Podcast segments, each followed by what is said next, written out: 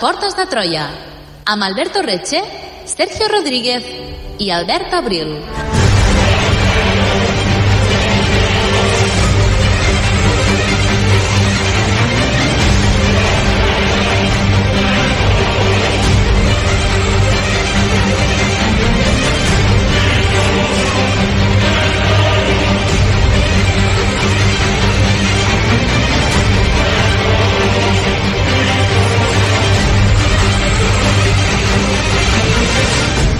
Algunes de les qüestions més rellevants de la humanitat tenen molt a veure amb la relació entre la vida i la mort.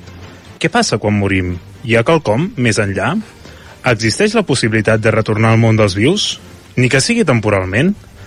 Preguntes com aquestes encara ens tormenten i ens troben ben presents en l'imaginari co- col·lectiu. Fantasmes, zombis, esperits i apareguts formen part del món paranormal actual i tenen una forta presència en la cultura de masses. Però, què es pensava a l'edat mitjana sobre el tema? En podem saber alguna cosa? Benvinguts a una història de fantasmes. Benvinguts a les portes de Troia.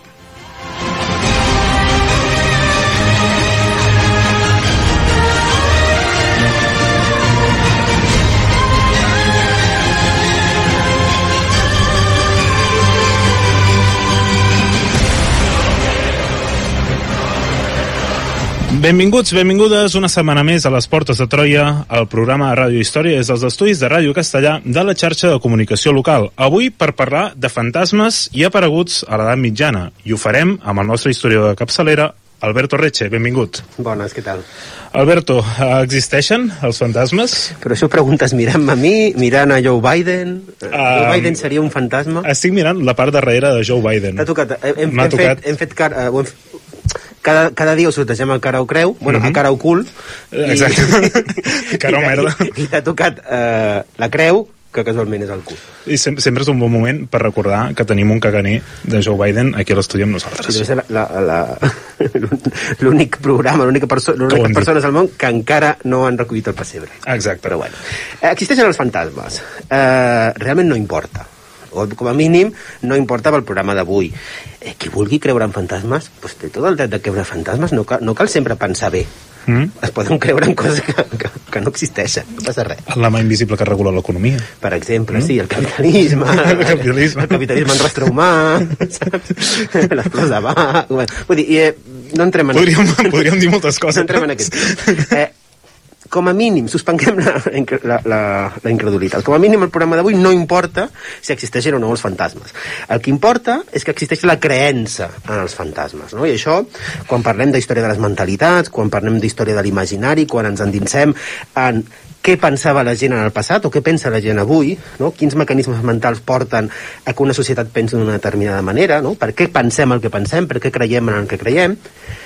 En aquest sentit, sí que importa no? que existeixin o no els fantasmes, perquè d'això en deriva una creença. No? No, no qüestionarem les creences de ningú en aquest sentit, sinó el que repassarem o intentarem al llarg del programa d'avui és què pensaven a l'antiguitat, no? o a mínim a l'antiguitat romana i al, a l'alta edat mitjana i durant l'edat mitjana plena, què pensava la gent ja veurem quina gent, en quin moment, de quina manera, què pensaven quan eh, pensaven en fantasmes. Existien els fantasmes, no existien, eren bons, eren dolents, hi havia d'un, només d'un tipus, hi havia de molts tipus, què s'havia de fer si et trobaves amb un fantasma, què no havies de fer... Això és com et trobes amb un, un- amb un os al Pirineu, ara que tornen a haver-hi osos al Pirineu. No moure't. No, no moure't, no? Tu sempre De, mai deixar dones- que desgarrapi i... No, ma, mai donar-li l'esquena. Ah, vale. Eh, sí, si tu fossis un os, eh, podries, No. no. menjar, el mateix podries menjar el cul a Joe Biden. Sort que no és un... O no, bueno, no sé què li agrada a Joe Biden. Això no ho preguntaré. No preguntarem. En qualsevol cas, eh, no importa si existeixen els fantasmes o no, importa el que la societat creu que existeix o no existeix. Avui que intentarem al llarg del programa d'avui és repassar aquest món de l'imaginari col·lectiu sobre aquest tema en concret, els fantasmes i els apareguts.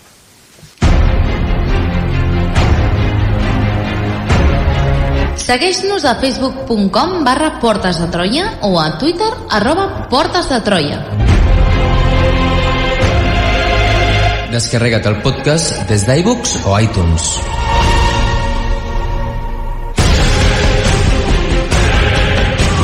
i descobreix tots els continguts del programa a la nostra pàgina web www.portasdetroia.cat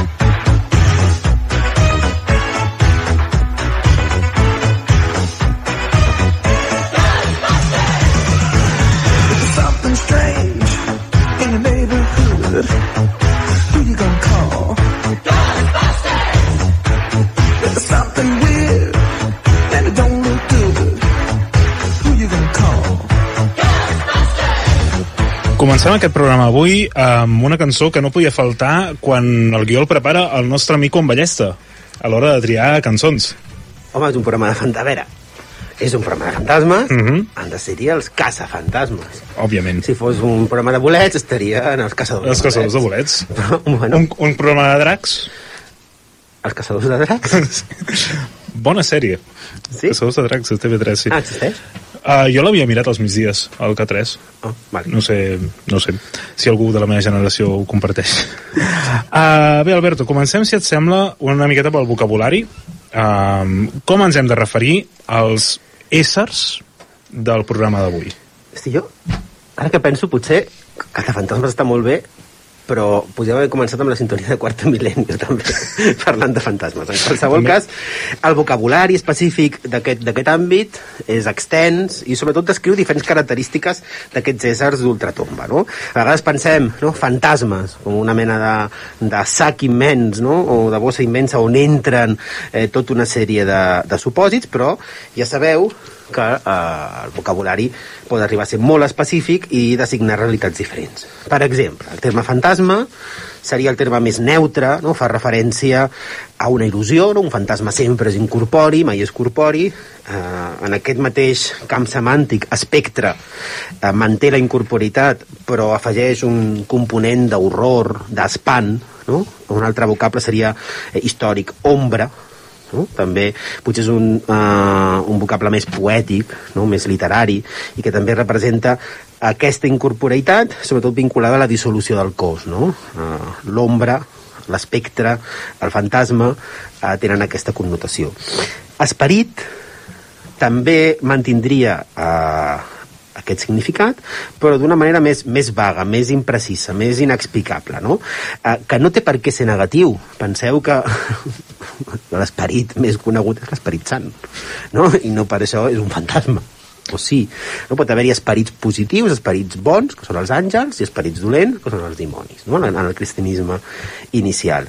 Altres vocables, potser més, més vinculats a la, a, la, a la música del primer separador, eh, com ectoplasma, no? que ja és un, un terme modern del segle XIX, molt vinculat a, a, als mèdiums, aquests fluids no? propis del, eh, del món fantasmagòric, i eh, l'altre vocable que ens, eh, ens ocupa avui, aparegut, que fa referència a una tipologia molt concreta de fantasma o d'ésser d'ultratumba, que són aquells mor morts que retornen. Un fantasma és incorpori, un aparegut és un cadàver físic que torna a moure's. No? Llavors aquest seria una mica...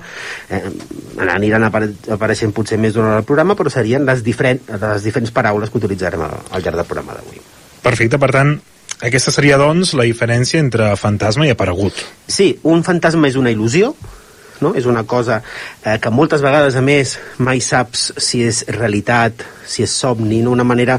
Eh, els, els morts, els difunts, poden aparèixer de moltes maneres. Poden aparèixer, aparèixer físicament, poden retornar d'una manera corpòria, no? seria el zombi que avui, que avui tenim molt en ment, tot i que el zombi és un invent capitalista, ja, ja, ja ho sabeu, eh, perquè és una alegoria no? de la societat de masses, del consumisme.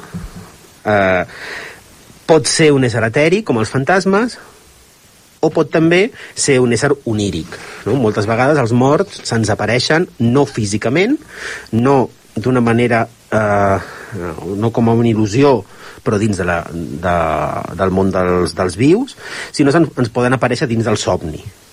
no?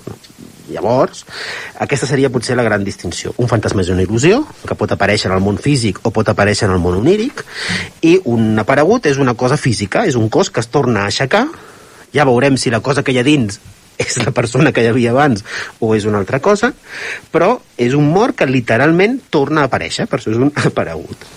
I, I de fantasmes i de morts vivents n'hi ha hagut sempre?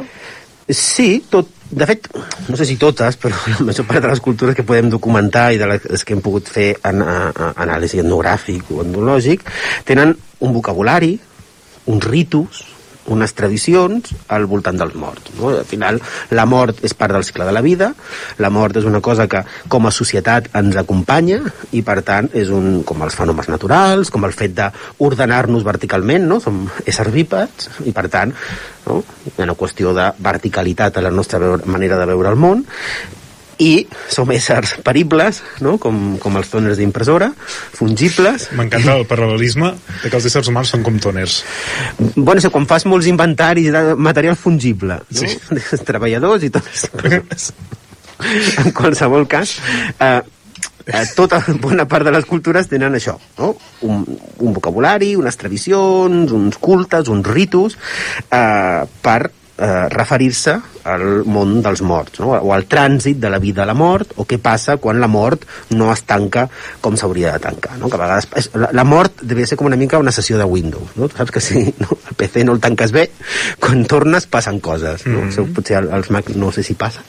Eh, però tot i que totes les cultures facin referència a aquest fet, aquestes eh, ritus, tradicions, vocabularis no són biològics, no són universals, no són immutables i en, en cada cas responen a elements ben, ben diversos i que s'expliquen dins de la pròpia cultura i dins de la pròpia tradició no? hem de fugir d'aquestes de, de tot el que tot el que puguem, totes, totes les veritats immutables, acostumant a no ser-ho, no? Eh, els nostres condicionants biològics són molt pocs i moltes coses que nosaltres, o que molta gent considera bio, bio, producte de biologia, són productes de la cultura. Molt bé, doncs ens has avançat que totes les cultures i, o segurament totes les cultures i tradicions del món tenen un misteri al voltant de... Bueno, tenen una idea al voltant de, del fenomen que tractem avui i si et sembla ens centrem en la tradició occidental, que potser és la que ens toca una miqueta més a prop. Sí, de fet, allò fantasmagòric, no? El, els morts que reapareixen, aquestes il·lusions, aquestes ombres, eh, aquests éssers eh, intangibles o tangibles, però difícilment explicables, es troben presents eh, a la literatura i a les creences en una línia que podem resseguir des de l'antiguitat grega no? grega, romana, ja veurem també quan arribi l'edat mitjana i que aquesta tradició romana filtrada pel cristianisme eh, es doni la mà amb la tradició germànica, que ja veurem que té certes diferències, configuraran el món actual, no? configuraran les, el nostre sistema de creences. Pels grecs, i pels romans i la tradició medieval, fins al segle XVI, més per entendre'ns, no? quan apareixen els estats moderns i, i, i apareix tota la merda possible. El, els apareguts, els fantasmes, són eh, éssers autònoms, són éssers, eh, diríem, com, com diria el conseller d'ensenyament, de, de, són eh, protagonistes del seu propi aprenentatge, no? són actors de pes propi. No ho saps? perquè a l'últim programa no vas poder venir, Alberto, però amb en Sergio també el vam, el vam fer sortir en el programa, el nostre estimat conseller. En comptes de fer, sortir, de fer sortir el nostre estimat Joe Biden, vam parlar del nostre estimat Cambrai. Bueno, serà el teu estimat Cambrai, però bueno, això, cadascú... Tu estàs veient un cul, si vols veure dos culs, no, no, no. és cosa teva. Uh, en qualsevol cas, els apareguts, els fantasmes, són protagonistes, no? són actors principals, quan apareixen, apareixen fent coses, tenint un paper actiu, parlant, interactuant amb els vius, aconsellant... No? Des de l'aparició fantasmagòrica del, dels herois de la guerra de Troia en els cicles posteriors, no? per exemple, quan, quan Agamemnon s'apareix a Clitemnestra a les tragèdies de Sòfocles o quan eh, en, els, en els Nostoi, en els viatges de retorn, no? alguns herois baixen eh, al, al món dels morts, aquests morts eh, tenen veu, actuen, aconsellen, no? pensem en una línia que ens faria arribar, per exemple, el pare de Hamlet, no? que és també un prototip dins de, dins de l'època moderna d'aquests fantasmes que són actors, no? que transmeten un missatge, que parlen, que interactuen i que, per tant, formen part també, en certa mesura, del món dels vius. No?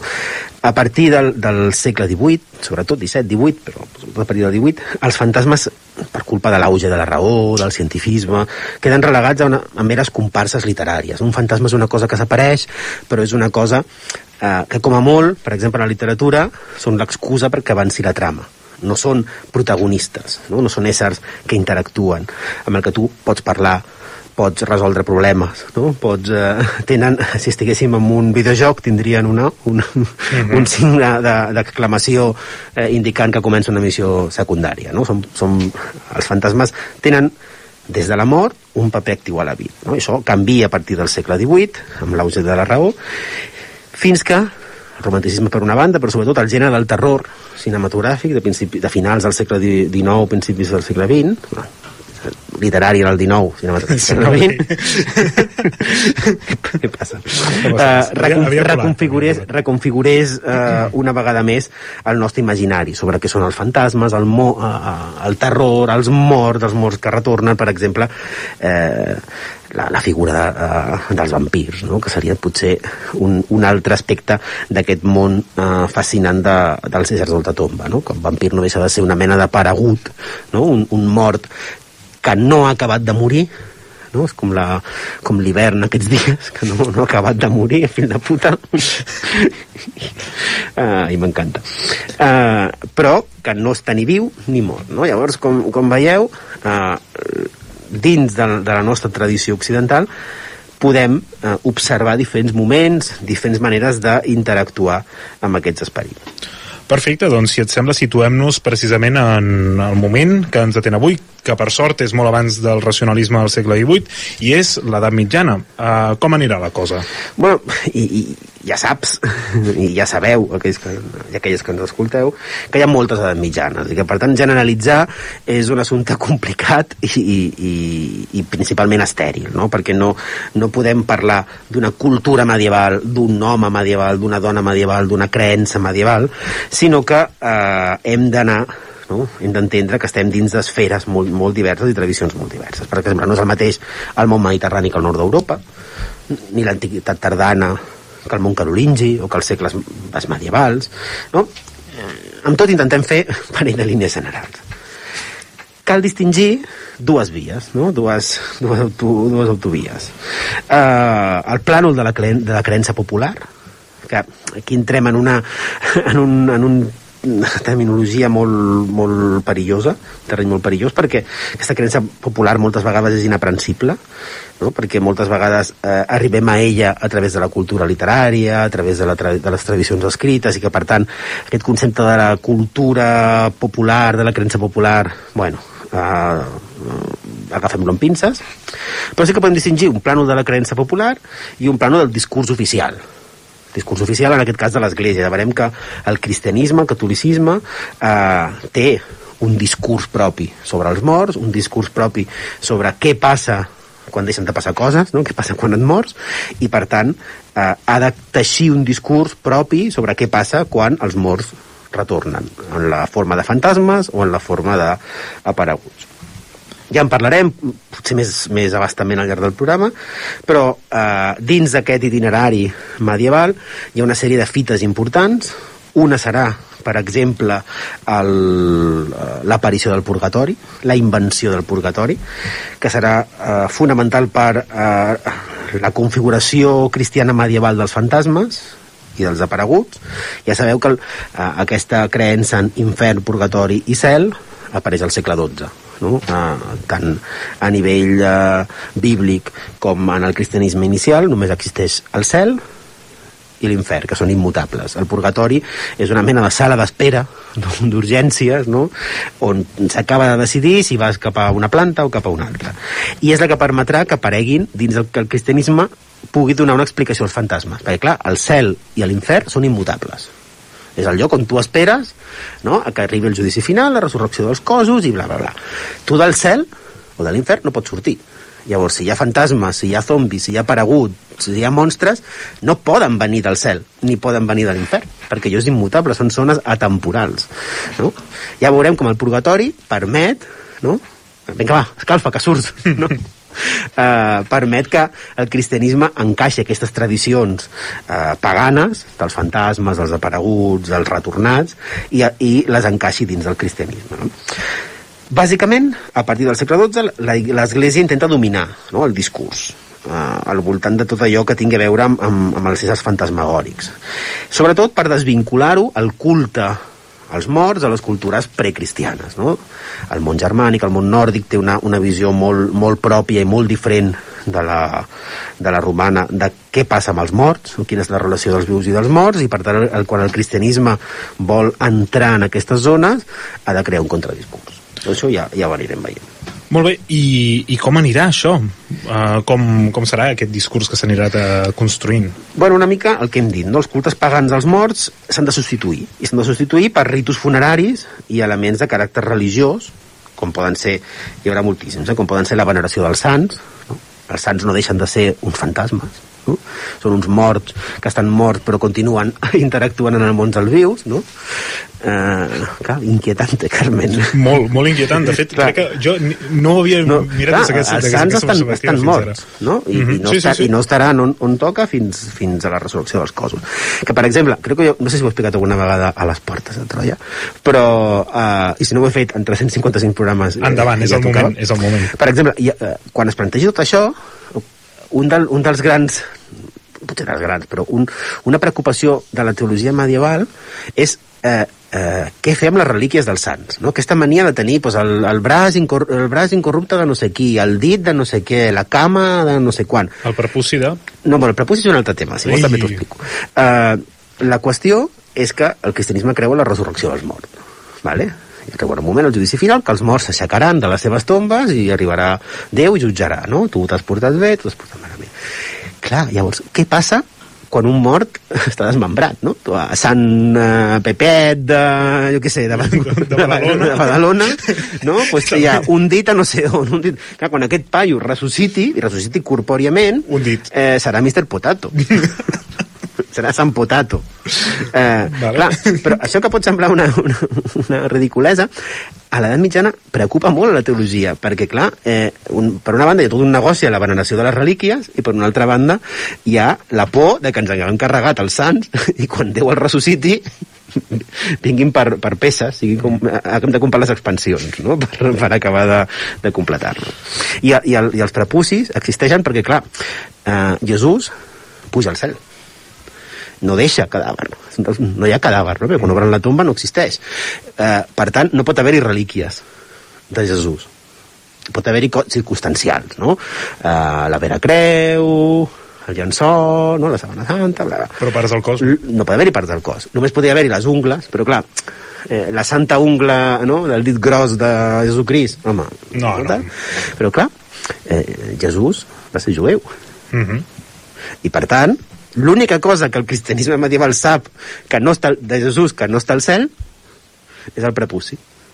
Per tant, el prepuci és l'única relíquia que el cristianisme medieval pot colar sobre Jesús. I no sé per què hem, eh, hem parlat del culte de Joe Biden, Del, del, del, del conseller, de la ungla del de- peu esquerre de espero, Sant... ben, espero ben aviat exconseller uh, i el prepuci de Jesús Qui durarà més? Cambrai com a conseller o Joe Biden a la Sí, presidència? No, no, jo això ja... No? No, no, no. Hi ha un, només, només una, una aposta per temporada. Vale. Això ho deixem per la següent. Vinga.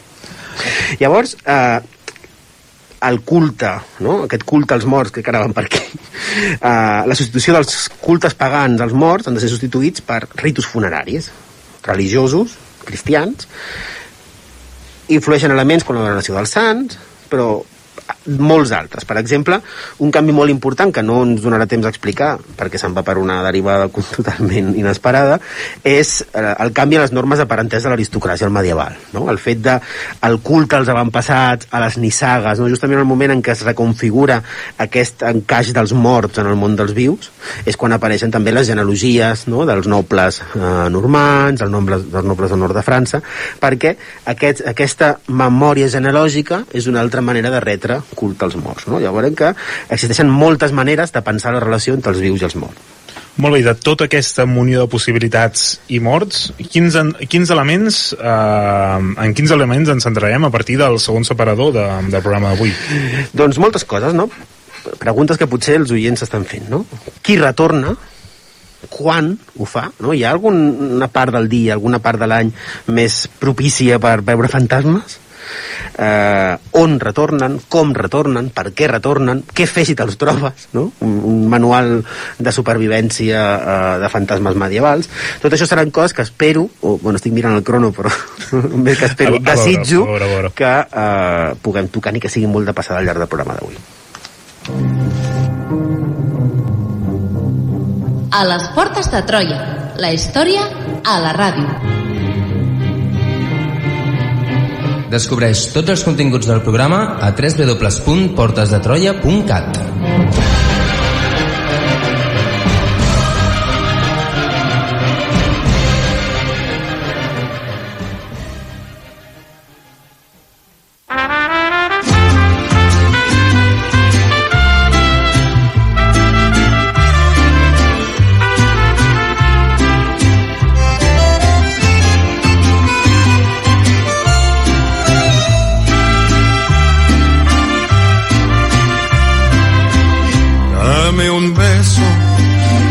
delante de la gente.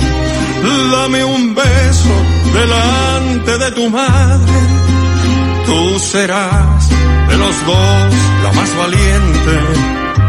Y yo seré de los dos el más cobarde. Uh, Alberto, ara estàvem comentant entre separadors, estic intentant endevinar el sentit d'aquesta cançó i sóc incapaç. Bueno, sí. Ajuda, sisplau. Ajuda.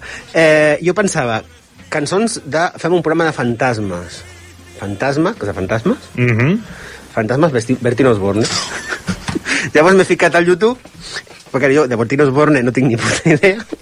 Llavors he mirat un- una, una uh, cançons d'aqu- d'aquest uh, home que per ser, que per ser és, és parent de Tolkien. qual- Què? Ja, ja t'ho explicaré, Què? ja t'ho explicaré en un altre programa. I he trobat una cançó que no he escoltat més enllà dels 10 segons del tall, però que m'ha fascinat el nom i que entronca molt bé amb el fet de fantasma. Que la cançó es diu Jo devia enamorar-me de tu madre. que com a concepte de fantasma Està bé. eh, va cridar l'atenció. Llavors, és, un, és una perla que et regalo. Eh, T'he ampliat la teva cultura musical. Gràcies. De fet, que, que, que he follat la teva cultura Sí. musical. Que, a dir. que, crec que quan acabi el programa hauràs d'anar a, a dutxar-te, però eh, la música, aquesta és la música que hi ha i crec que entronca molt bé amb el concepte de fantasma. Fantàstic. No, la veritat és que és l'últim que m'esperava, això. No, no, no. Vocació de servei. Fantàstic. Uh, comencem, si et sembla, el nostre recorregut per la fantasmagòria. Existeixen fantasmes a l'antiga Roma? Eh, evidentment, no? Existeixen fantasmes eh, per tot arreu. A l'antiga Roma existeix una forta creença al voltant de la mort eh, i sobretot el terror que desperten els morts, sobretot els morts que han mort malament, contra els quals eh, un s'ha de prevenir. Aquesta creença té dues arrels molt clares. No? Per una banda, aquesta por general envers els difunts, i per altra, l'estupor, no? el pànic, la por que causaven les morts anormals. A Roma, els morts, els cadàvers, es consideren impurs, perillosos i, per tant, cal congraciar-se amb ells per tal de que no actuïn. Cal venerar-los per tal de tenir-los contents, no? perquè eh, es creia que els, fins i tot que els morts causaven algunes malalties, com l'epilèpsia, uh, la coreomania, no sé com es diu en, en català, però és el baile de San Vito, no? que és aquesta malaltia uh, que, que L'epidèmia del ball, sí. És l'epidèmia Sí, del sí, ball, sí. no? que és, que és aquesta coreomania medieval, les apoplèsies o, o altres, altres malalties de les quals es responsabilitzava directament els difunts. No? I per, perquè us feu una idea d'on deriva tot això, a Roma existeix un, un vocable, una paraula que encara utilitzem, tot i que en un altre sentit i en un altre context, per referir-se als fantasmes. Són els monstrum, que ve del verb eh, llatí eh, monere, que vol dir advertir, no? i que eh, monstrum significa literalment un signe, un signe precursor d'un esdeveniment funest. No? Els monstres, els fantasmes monstruosos, els esperits, o aquests monstres són en definitiva esperits nocius no? i d'aquí deriva la, la, la, la, pròpia paraula de monstre posterior, no? Clar, que és evident, tu quan veus un monstre és un signe evident de que les coses començaran No a, a, bé, a, no- no, no està bé si tu gires, eh, no? gires la cantonada i veus un drac de nivell 80 Mm, t'has equivocat. t'estàs equivocat de, de mazmorra Els difunts, si no se'ls respecta, creien els romans, eren éssers venjatius. No? I per tant, per això eh, comencen a haver-hi estratègies per apaciguar els difunts. Per exemple, el temps del dol. No? El dol de les vídues, el dol dels familiars, no? aquesta pausa és la pausa respectuosa perquè els, els morts no s'enfadin i tinguin motius per tornar. Molt bé, i quins tipus de morts són els perillosos? N'hi ha alguns de concrets? Sí, bàsicament, pels romans, els morts de morts violenta. O sigui, la Uns, mort... uns quants. Clar, si l'antiga Roma. L'antiga Roma, clar. És que estaven, estaven, estaven allà els romans, si me toquen les palmes, no me toques les palmes. Uh, clar, la mort natural és previsible i forma part d'un cicle. No? Quan la mort s'avança per algun motiu, es trenca aquest ordre natural, és quan existeixen els problemes. Hi ha diferents tipus de morts violentes o de morts no naturals a l'antiga Roma. Estan els immaturi, no? els morts prematurs, no? aquells que moren abans del dia que els hi toca, no? que diu ante diem fatalem, els, els insepulti, que són aquells morts als quals no s'ha pogut soterrar, per exemple, els que s'ofeguen a la mar, no? Eh, si tu t'has mort però el teu cadàver no està convenientment eh, apaciguat amb els ritus que toquen, doncs pot portar problemes. Això ens porta no només als, als insepultes, sinó als uh, indeplorandi, no? a aquells que no han pogut ser plorats. No? Si tu et mors, home, com a mínim que la gent que t'estimes et plori, no? Que mínim, no? Eh, no, hi ha, no, no hi ha cosa més dolenta que et moris i no vagi ningú al teu enterro.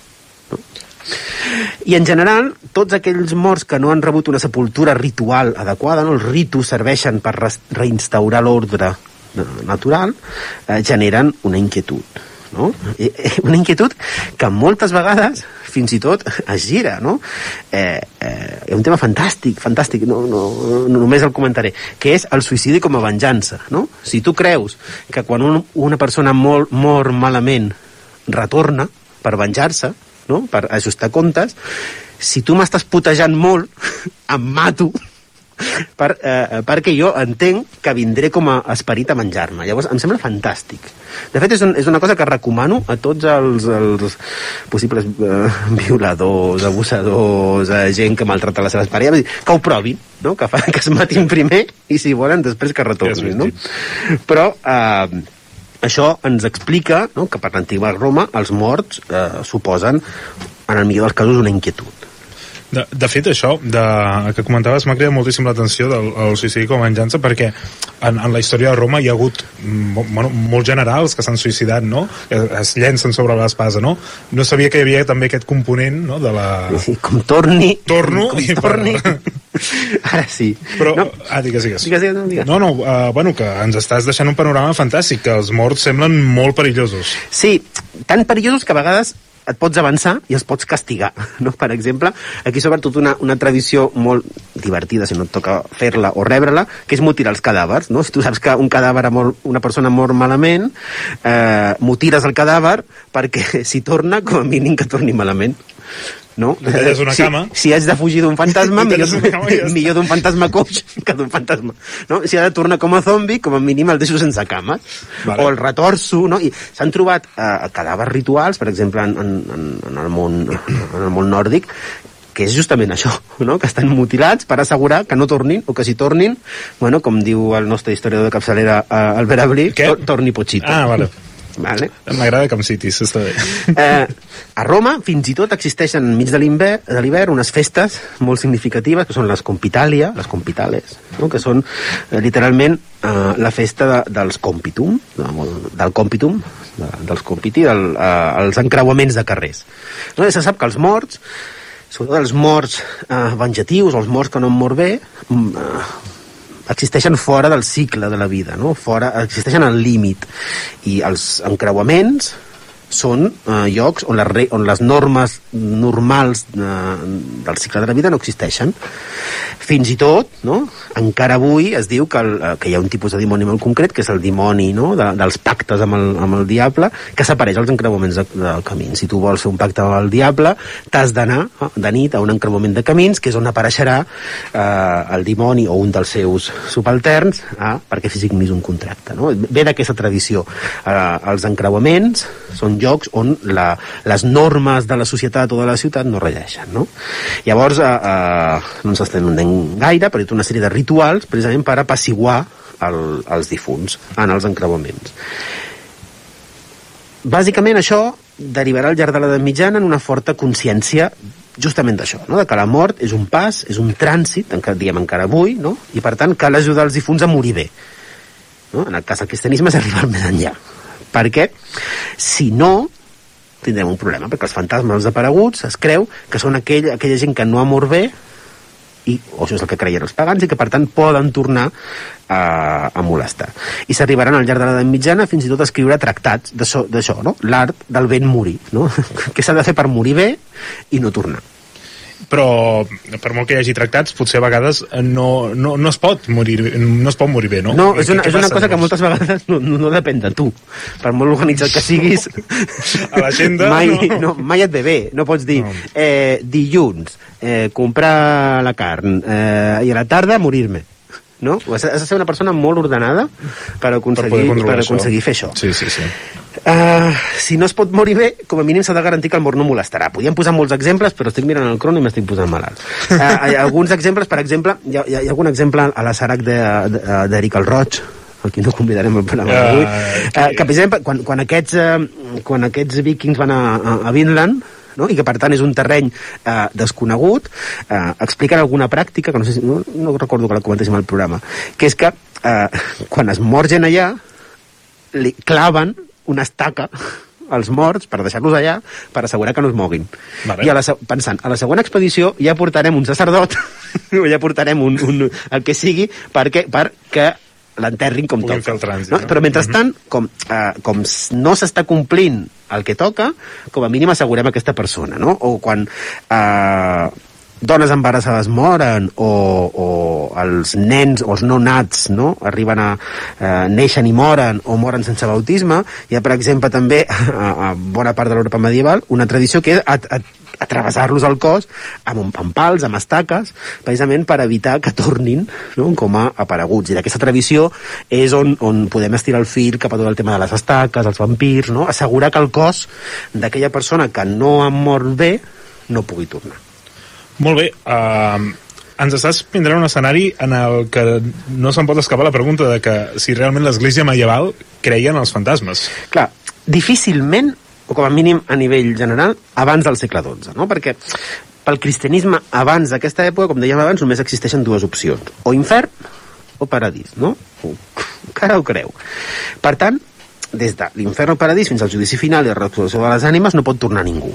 Per tant, aquesta idea pagana dels morts que retornen per un, per un cristià, com a mínim un cristià al medieval o baix imperial o de l'antiguitat tardana és difícilment justificable no? perquè d'allà no torna ningú per, eh, una altra cosa són les tradicions no cristianes, no? com les que hem vist al món romà, les dels pobles nòrdics, que realment en creuen, no? i fan tota una tradició ritual, aquí podríem parlar, no ho farem, dels banquets de difunts, no? de, eh, que apareixen, per exemple, les sagues eh, nòrdiques, eh, en què la relació entre vius i morts és molt diferent, no? Aquesta, aquest tel que hi ha entre el món dels vius i el món dels morts és molt més, eh, d'una membrana molt més permeable. Això el cristianisme com a mínim fins al segle XII no ho farà. Ara bé, que, que jo no cregui... Passa com, uh, com amb, amb els mamífers. Jo puc no creure en els mamífers, però, Però hi els són, mamífers no? hi són. Mhm. I llavors, um, com, com, com s'expliquen en el cristianisme els fantasmes i els retornats? Si aquests estan presents en els cultes pagans, com, com es lliga tot això? Molt ràpidament, això serà tasca dels pares de l'Església. No? Des del principi el cristianisme ha de buscar explicacions a allò que diuen els, els no cristians que passa. No?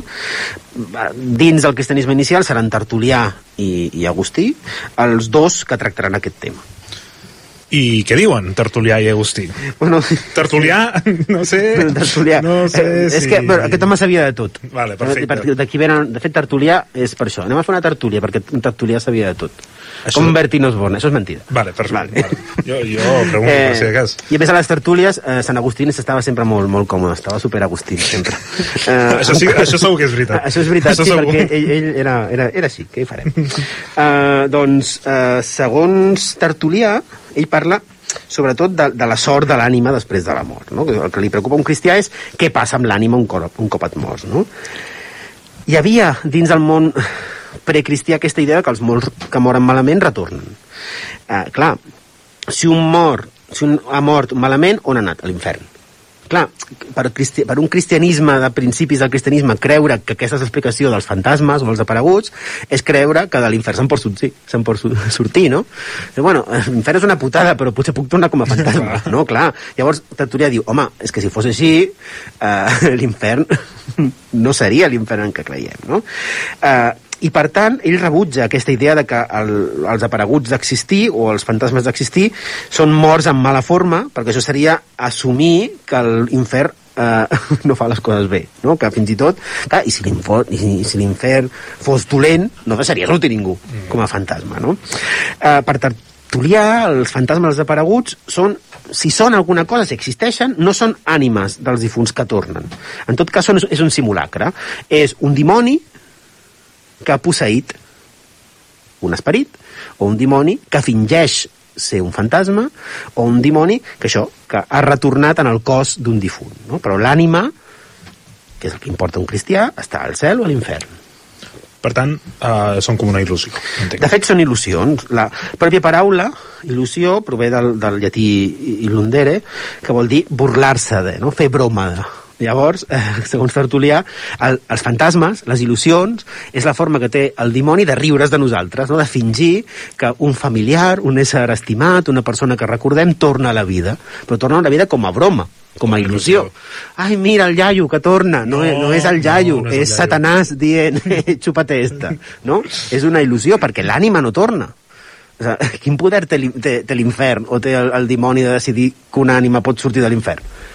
No? Sí, sí. Llavors, uh, uh, això és com a mínim el que dirà Tertulià. Molt bé, i davant de tot això, quina serà l'opinió de Sant Agustí? Bueno, Sant Agustí planteja un altre problema, no? que és que els fantasmes i els morts en general també se'ns apareixen en somnis. I per tant, què passa? Què són aquests fantasmes onírics que se'ns apareixen? No? Això ens portaria, però crec que ho comentem, uh, el, món, el món antic té tot un, un, siste, un sistema gradat sobre la importància dels somnis. El, la, la oniromància és molt important. No? De fet, és, és Macrobi uh, l'autor que, que sistematitza aquests tipus de somnis. I si voleu els comento una mica perquè no ens dona temps, però és interessant. Un- un puntet, Llavors, un puntet, va. Albert, un Aquests, per, per Macrobi, per, per, per món romà, tardoromà, existeixen cinc tipus de somnis. L'insomnium, l'insomni, que és el somni degut a les preocupacions, a les pors, a les esperances de- d'aquella persona que hi dorm, no? quan, quan té els problemes del dia a dia fan que assumir sobre problemes del dia a dia. Hi ha eh, el visum, que no és el d'enviar diners a algú, Oh. o, o fantasma, que és la gent que et diu que t'enviarà un visum i després no te l'envia, uh, que és el somni aquell el que estàs com mig dormit, mig despert, i llavors somies, però no saps si somies o si penses, això és el fantasma, o és el visum. És la migdiada. És la migdiada, no? Sí. Això... Després hi ha un tipus de somni que és l'oràculum, que és el somni endevinatori, no? Els romans creien que, sobretot si dormies en un temple o en un lloc sagrat, eh, podies tenir, no?, una visió, un oracle, però els propis romans eh, distingeixen aquest somni per la, de l'oràculum a la visió, que la, la visió és directament una visió, un somni profètic. No? No. I el cinquè pas és el somnium, el somni, no? que és eh, un somni que precisa una interpre- interpretació, que és metafòric. No? He somiat amb no sé què, això vol significar que és això altre, no?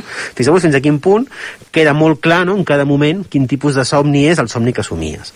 Sant Agustí diu que els fantasmes poden aparèixer als somnis, però que això no els fa reals.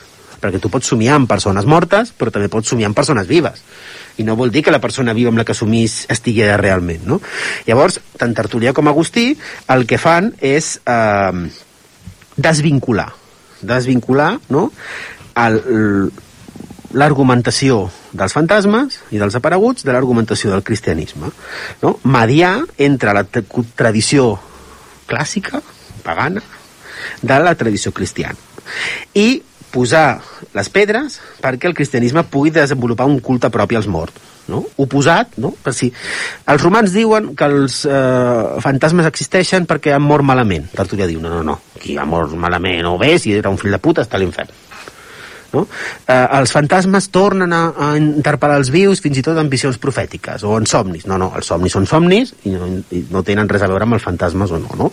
Desmunten la visió tradicional i senten les bases perquè el cristianisme pugui crear els seus ritus, el seu culte als morts. Molt bé, i quan es fixarà definitivament, definitivament tota aquesta litúrgia? Doncs tindrà diferents fases, no? Hi haurà, per exemple, un moment important, els monjos de Cluny, que instauren en tota la seva xarxa de monestirs eh, per tot l'Occident medieval un dia de difunts. Perdó. Hi ha el dia dels sants, doncs el dia següent és el dia dels difunts. No? Hi ha tota una explicació d'un somni d'Odilon de Cluny, però no, no, no entrarem. No hi entrarem. O aquestes festes dels morts, però són unes festes vinculades als sants i, per tant, vinculades a la tradició cristiana. Un altre element fonamental, com en tantes coses de, de les llegendes cristianes, serà la llegenda àurea, no?, de Jacopo de la Voràgine, que marca ja al segle XIII tota una sèrie de, de tradicions, de rondalles, d'explicacions de, de sobre, uh, sobre coses vàries, entre elles els fantasmes, els apareguts, i també, ja ho hem dit, la irrupció del purgatori com un tercer espai, no? mitjà entre l'infern i el paradís, que obre noves possibilitats. Ara sí, ara sí, però no abans del purgatori, els fantasmes poden ser ànimes que no saben on posar-se. No? Uh, indecises, incorpòries, a les que ara sí, com ja són ànimes introduïdes en el discurs cristià, se les pot ajudar.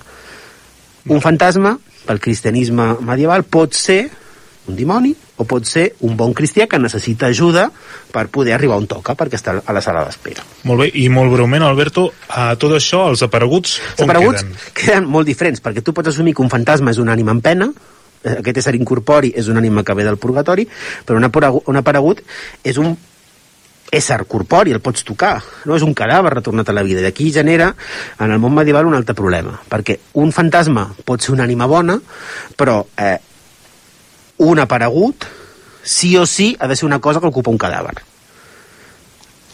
Llavors, què ocupa un cadàver? Un esperit. Un esperit dolent, com pot ser un dimoni, no? Aquí, dimonis que venen a ocupar el lloc que deixen els difunts, no? Oi, mira, està buit, em fico. I venen a molestar, i per, i per això és molt important, per exemple, l'extremunció, el viàtic, no? enterrar els cadàvers en terra consagrada. El gran problema és si tu enterres eh, el, el iaio, l'enterres a, a, sota una olivera i no un cementiri, clar, el cementiri el dimoni no pot entrar. A sota l'olivera, segurament. l'olivera segurament sí, no? O si no has ruixat el, el cadàver amb aigua beneïda, no? Llavors, comencen a haver-hi... S'accepta el fet de que pugui haver-hi esperits bons, àngels, no?, que ocupin els cossos per, per intentar resoldre problemes, però un aparegut a l'edat mitjana, segurament, a l'edat mitjana cristiana, segurament és un problema que cal resoldre. A les portes de Troia. Descobreix la teva història.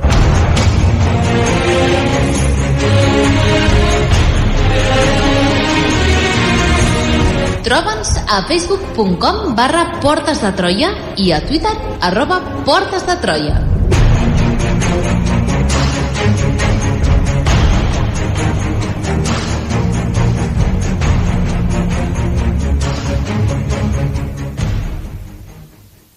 Oh,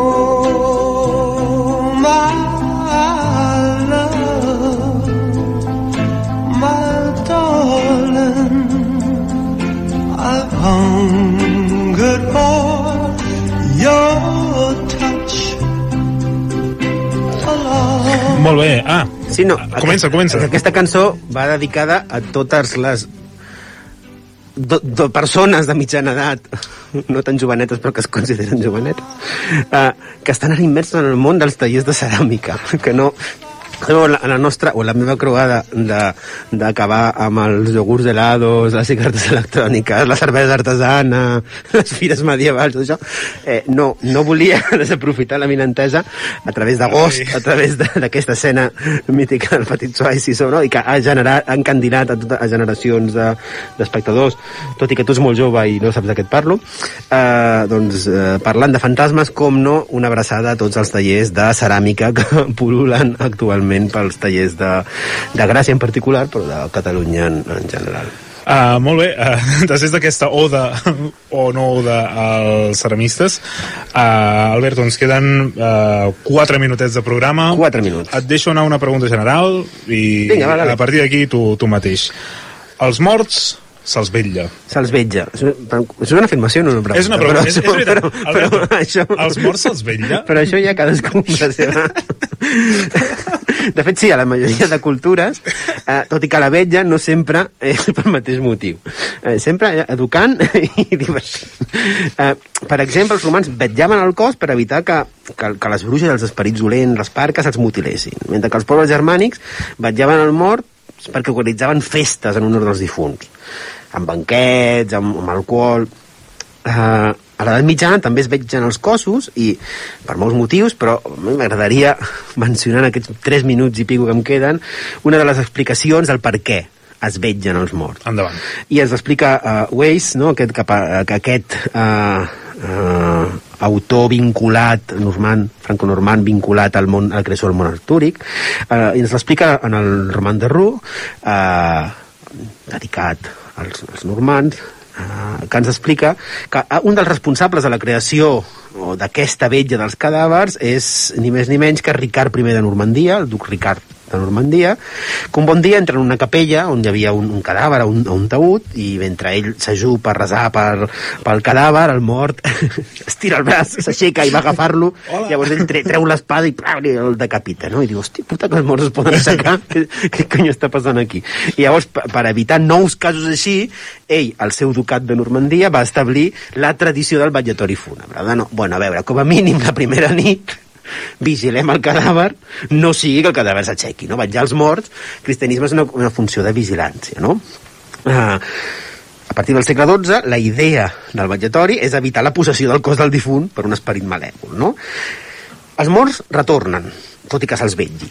No es pot vetllar a tots. Els que moren malament, els que es suïciden, els que desapareixen... Eh, eh, estem tranquils perquè ara, com a mínim, en el moment que gravem aquest programa, estem a la primavera i a l'edat mitjana eh, és a l'hivern, sobretot a, pels vols de Nadal en endavant, quan eh, els fantasmes dels apareguts venen amb força, no? perquè pensem que encara no hi ha electricitat, estem al centre nord d'Europa i eh, les nits són molt llargues. No? I com més llargues són les nits de l'hivern, més possibilitats de que retornin els cadàvers. Tot i que no sempre els cadàvers que retornen són dolents. Hem dit que a vegades són àngels o la pròpia voluntat divina el que ocupa els cossos dels difunts per resoldre aquelles coses que no s'han pogut resoldre. Per exemple, si un difunt no està soterrat en terra consagrada, no? potser un àngel s'apareix en la forma del difunt per avisar la família de que el pot soterrar. I altres, un exemple, i amb això acabaré com una, per una mica de posar llum a la foscor, eh, eh, Jacobo de la Voràgina, la llegenda àurea, la llegenda daurada, ens explica una, una historieta d'un home molt, molt d'església que ell sempre recitava el salm, el salm de Profundis, d'un sana, un dels morts, sempre que passava per davant d'un cementiri, el cementiri que tenia a prop de casa.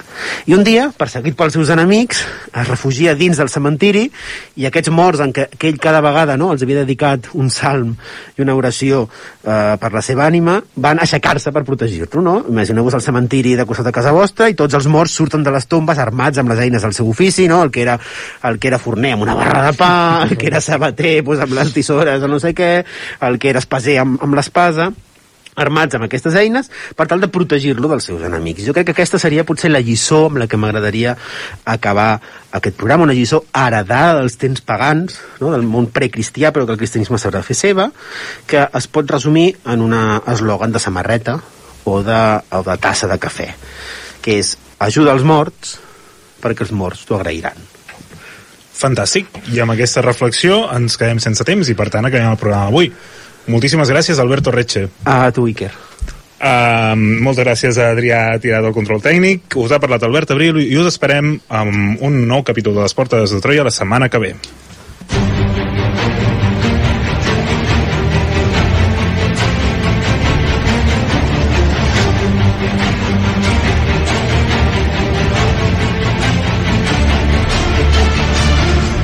A les portes de Troia, amb Alberto Retxe, Sergio Rodríguez i Albert Abril.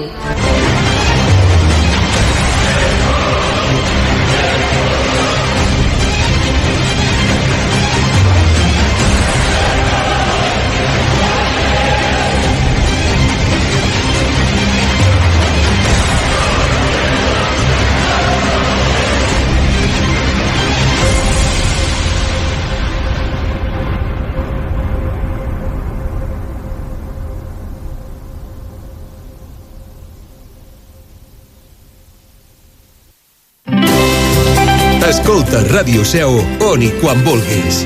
Entra a l'apartat de ràdio a la carta de la nostra pàgina web i tria allò que més t'interessa de la nostra programació. Els informatius, les entrevistes, els programes musicals, culturals i esportius, la programació especial... On i quan vulguis, Ràdio Seu, a la carta, des de la nostra pàgina web radioseu.cat.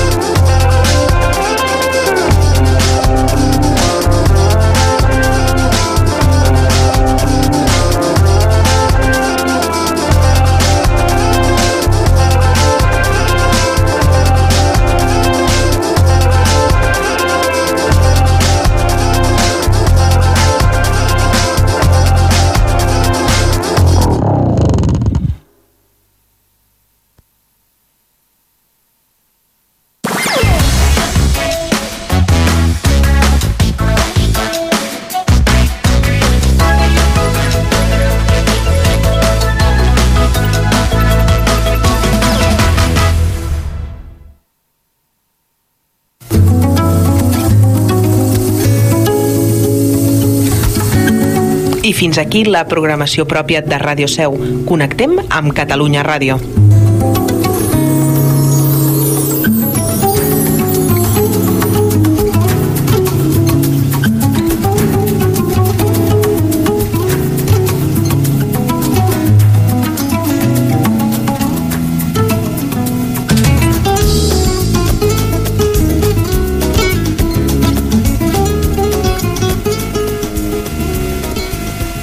Per ser-hi com cada vespre. Uh, tornem demà a les 7. President, vol dir que Xavi és decisiu en Espanya? Que n'aprenguin!